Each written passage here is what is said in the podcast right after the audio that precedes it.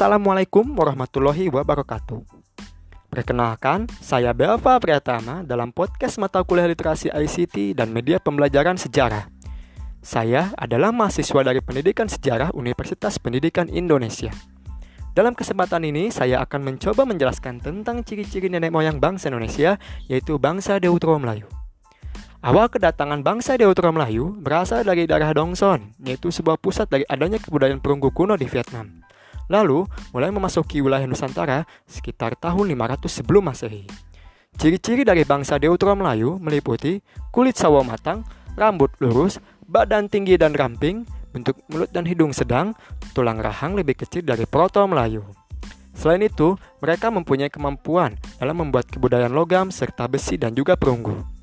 Bukti hasil dari keturunan asli bangsa Deutero Melayu yaitu suku Bugis, Sunda, Jawa, Minang, dan juga Makassar.